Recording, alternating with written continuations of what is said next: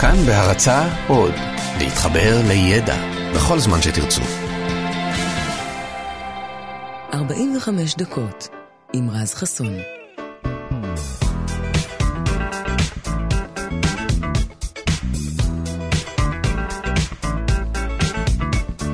כאן תרבות, בוקר טוב לכם, 104.9, 105.3 FM. 6 ו-13 דקות עכשיו, כמעט 14, מה שאומר שהקדמנו אפילו בדקה, אז הנה משקיעים בכם. מה נשמע? אנחנו כאמור בתקופה שאחרי החגים חזרנו לשגרה אחרי uh, תקופה ארוכה, אבל בניגוד אלינו יש כאלה שעדיין ממשיכים להם את החופש, אתם מכירים אותם גם במקומות העבודה שלכם, חבר'ה שעשו גשר גדול ועדיין לא נראו, ואתם מצפים שהם יחזרו עם מזוודות ענקיות של שוקולד. עכשיו זו הסיבה שבנוסף לתוכנית הנהדרת הזו אני אגיש היום בשעה 10 וחמישה גם את חדשות התרבות. בתוכנית גם כן תרבות שמועברת גם בערוץ כאן 11 בטלוויזיה ולמה אני מספר לכם את זה? כי אם להודות, ברגיל אני לא מקפיד להתגלח או להסתפר, בכל זאת זה חלק מהיתרונות בלהיות שדר רדיו, אף אחד לא באמת רואה אותך, כל אחד יכול לדמיין אותך איך שהוא רוצה, אתה יכול ללבוש גם מה שאתה רוצה, אבל טלוויזיה זה כבר סיפור אחר. אז אתמול לצערי לא הספקתי להסתפר לקראת השידור היום, וגם היום כנראה שזה לא יקרה, כי היום יום שני, ואני לא יודע אם ידעתם, אבל יום שני הוא יום השבתון הבינלאומי של הספרים ושל מעצבי השיער בעולם. רציני לגמרי, לספרים יש יום שבתון שבועי משלהם. ולמה דווקא יום שני? אז מתברר, אה, לא מתברר, זה ידוע שברוב מדינות העולם יום ראשון הוא בעצם יום שבת, נכון? הוא שבתון לגמרי, אה, יום שבת הוא בעצם היום השישי. אה, והספרים שרוב השבוע נותנים עבודה מהבוקר עד הערב בלי הפסקה צריכים גם, מה לעשות, לבלות קצת זמן עם המשפחה שלהם.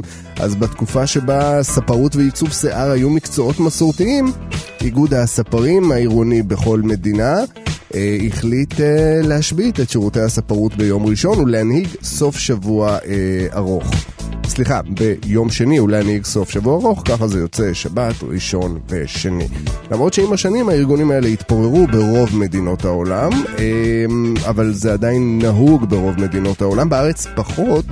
יש מי שמעדיפים אבל שלא לפתוח ביום שלישי דווקא כאן, שנחשב פה למעין יום עבודה מקוצר כזה, אבל אם תיתקעו ברומא ביום שני כלשהו עם רעמה רצינית על הראש, אז uh, רוב הסיכויים שלא תצליחו לקבל uh, תספורת הגונה. בקיצור, בשורה התחתונה לא הצלחתי להסתפר כי התרשלתי, בסדר? כנראה שאני לא אצליח להסתפר גם היום, מאותה הסיבה בדיוק. אז אין לזה באמת קשר בשעות הפעילות של המספרות. הנה, חשפתי את עצמי, אבל לא אכפת לי, אנחנו יוצאים לדרך עם מוזיקה שערך לנו uh, גדי לבנה. דימה קנצוף הוא טכנאי השידור הבוקר, ירדן מרציאנו על התוכן, לי קוראים רז חסון, ואנחנו פותחים שור. 45 דקות יוצאות לדרך. עד לשעה שבע אנחנו כאן. תהנו, בוקר טוב.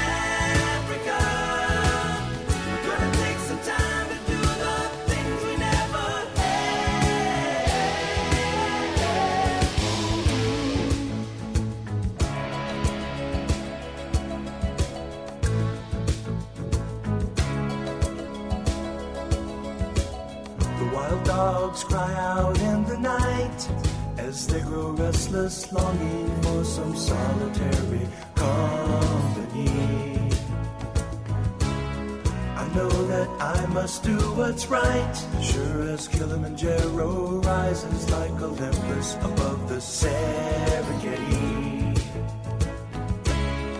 I seek to cure what's deep inside, frightened of this thing that I've become.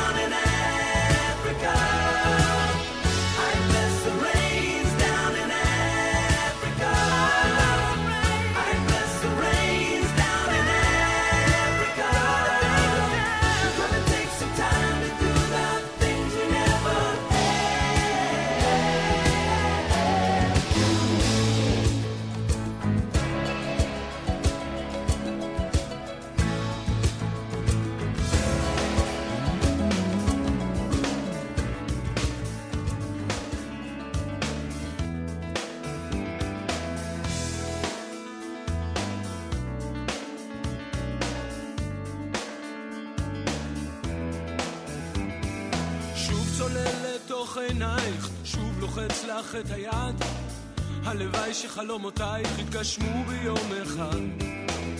כן, אבל תסלחי לי, פרדות עושות אותי לחוץ, אז קחי איתך מעיל או סוודר, כי קר שם בחוץ.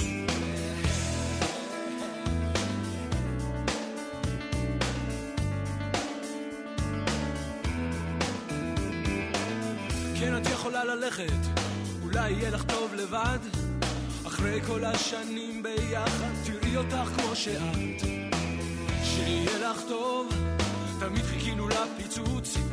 ומה אני אגיד לך מותק, קר שם בחוץ. כל כך קר, קר שם בחוץ.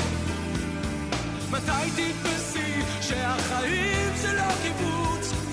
כדאי שתדעי מה שלא תעשי. קר שם, קר שם בחוץ.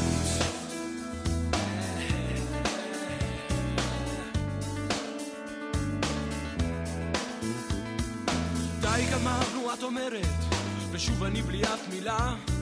בכל סוף דרך שנגמרת, יש תקווה להתחלה.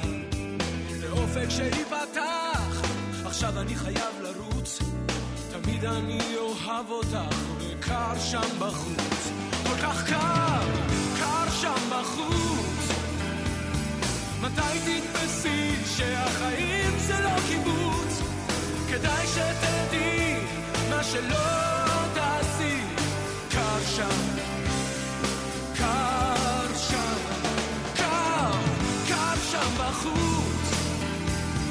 מתי תתפסי שהחיים זה לא קיבוץ? כדאי שתדעי מה שלא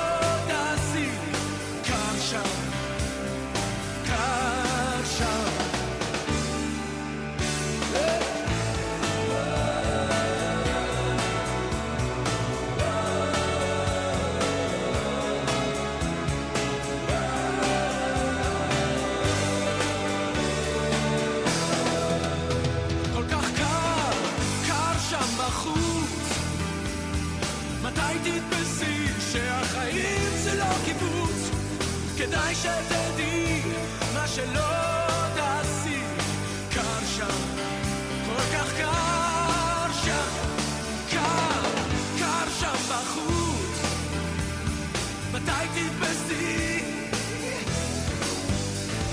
כדאי שתדעי מה שלא תעשי, קר שם, כל כך קר.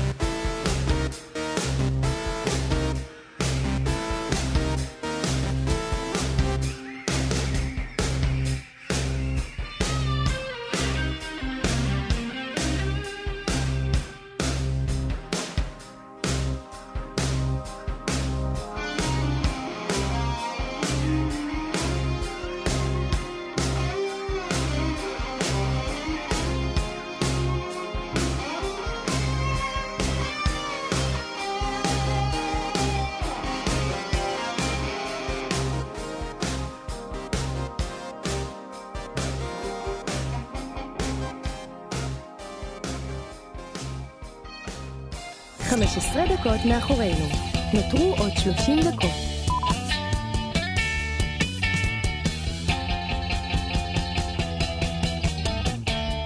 הבטיח לשלוח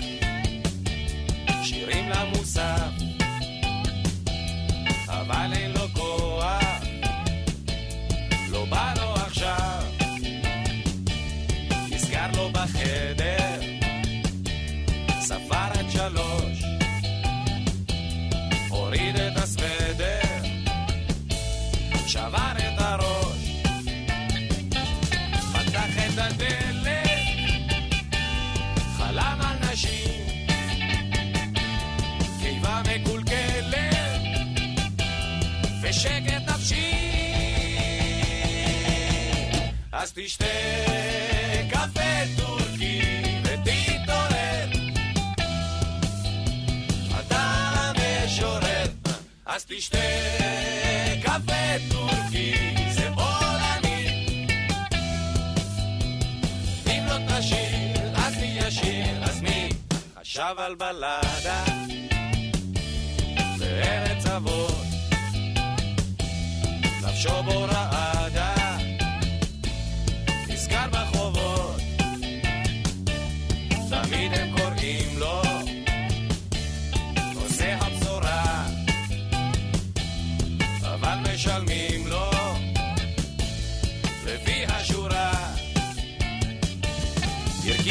הרכיב משקפיים לקרוא בעיתון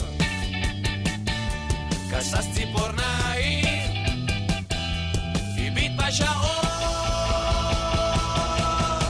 אז תשתה קפה טורקי ותתעורר אתה המשורר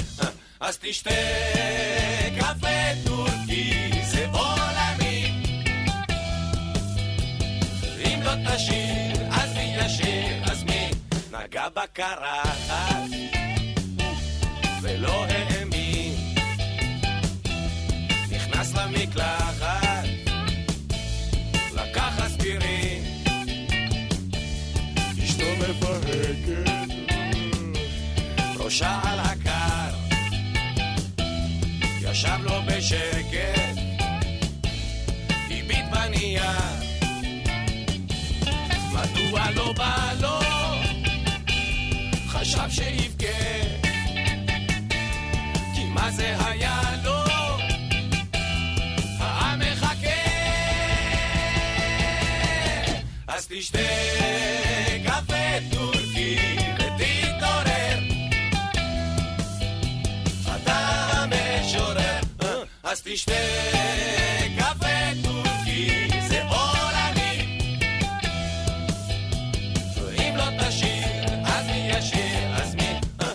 אז תשתה קפה טורקי ותתעורר אתה המשורר אז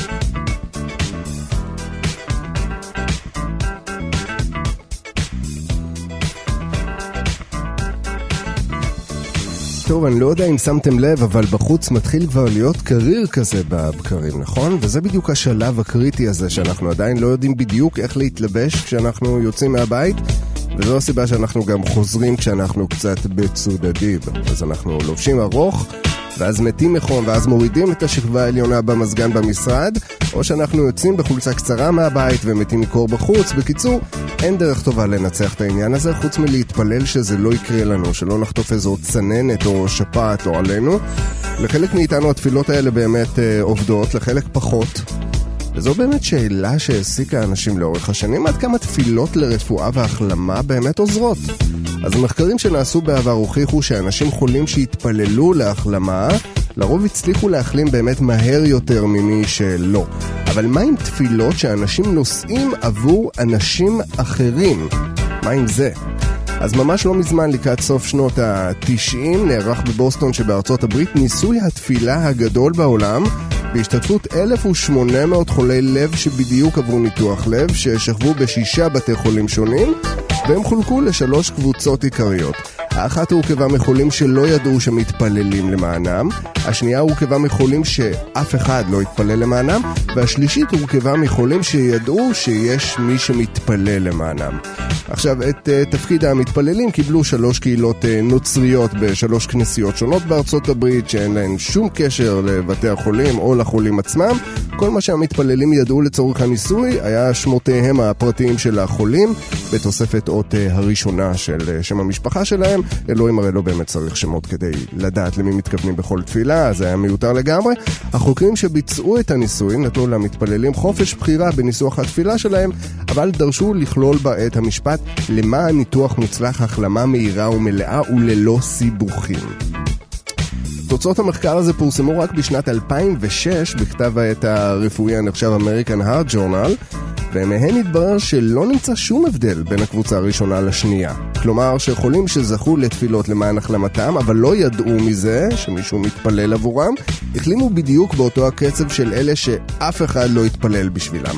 אבל מה שיותר מעניין זה מה שקרה עם משתתפי הקבוצה השלישית שגם זכו לתפילות וגם ידעו שמישהו אי שם מתפלל למענם והם דווקא היו במצב רע יותר משתי הקבוצות הראשונות. הם סבלו מיותר סיבוכים ותקופת ההחלמה שלהם התארכה והחוקרים הניחו שכל זה קרה כי הם סבלו ממתח אה, גבוה יותר, מה שנקרא סוג של אה, חרדת אה, ביצוע. אמ, אני לא יודע מה אפשר להסיק מהניסוי הזה. אולי באמת צריך לדעת שמישהו מתפלל בשבילך כדי שמשהו מההשפעה הזאת באמת יחלחל פנימה? או שאולי פשוט, אה, לא יודע, אלוהים לא היה קשוב באותו רגע לניסוי הזה, או שהוא פשוט קלט שמתארגנת פה איזה סטלבטייה נגדו, והחליט אה, לעקוץ את כולם. אנחנו יוצאים להפסקת פרסומות קצרה מיד, אנחנו חוזרים עם עוד מוזיקה ועוד כל מיני אה, עובדות, מחקרים ודברים מעניינים. כבר חוזרים. כאן תרבות, כבר חוזרים. בהרצה. גמלאים יקרים, מבצע כזה מזמן לא היה.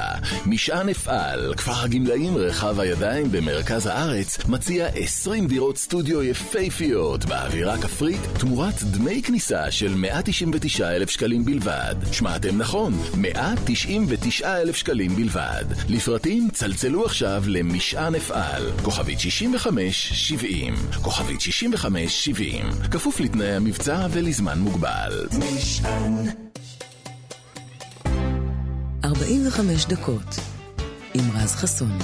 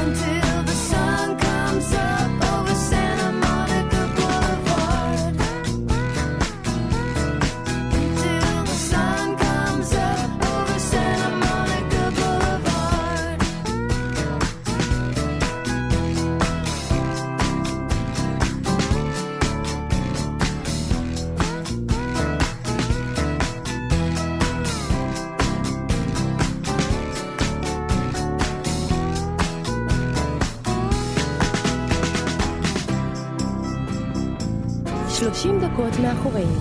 נותרו עוד 15 דקות.